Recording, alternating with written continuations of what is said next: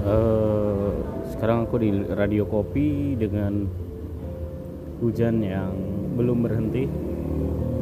Padahal sore ini harus udah di rumah ketemu istri, tapi apa daya hujan masih mengiringi jalan ini.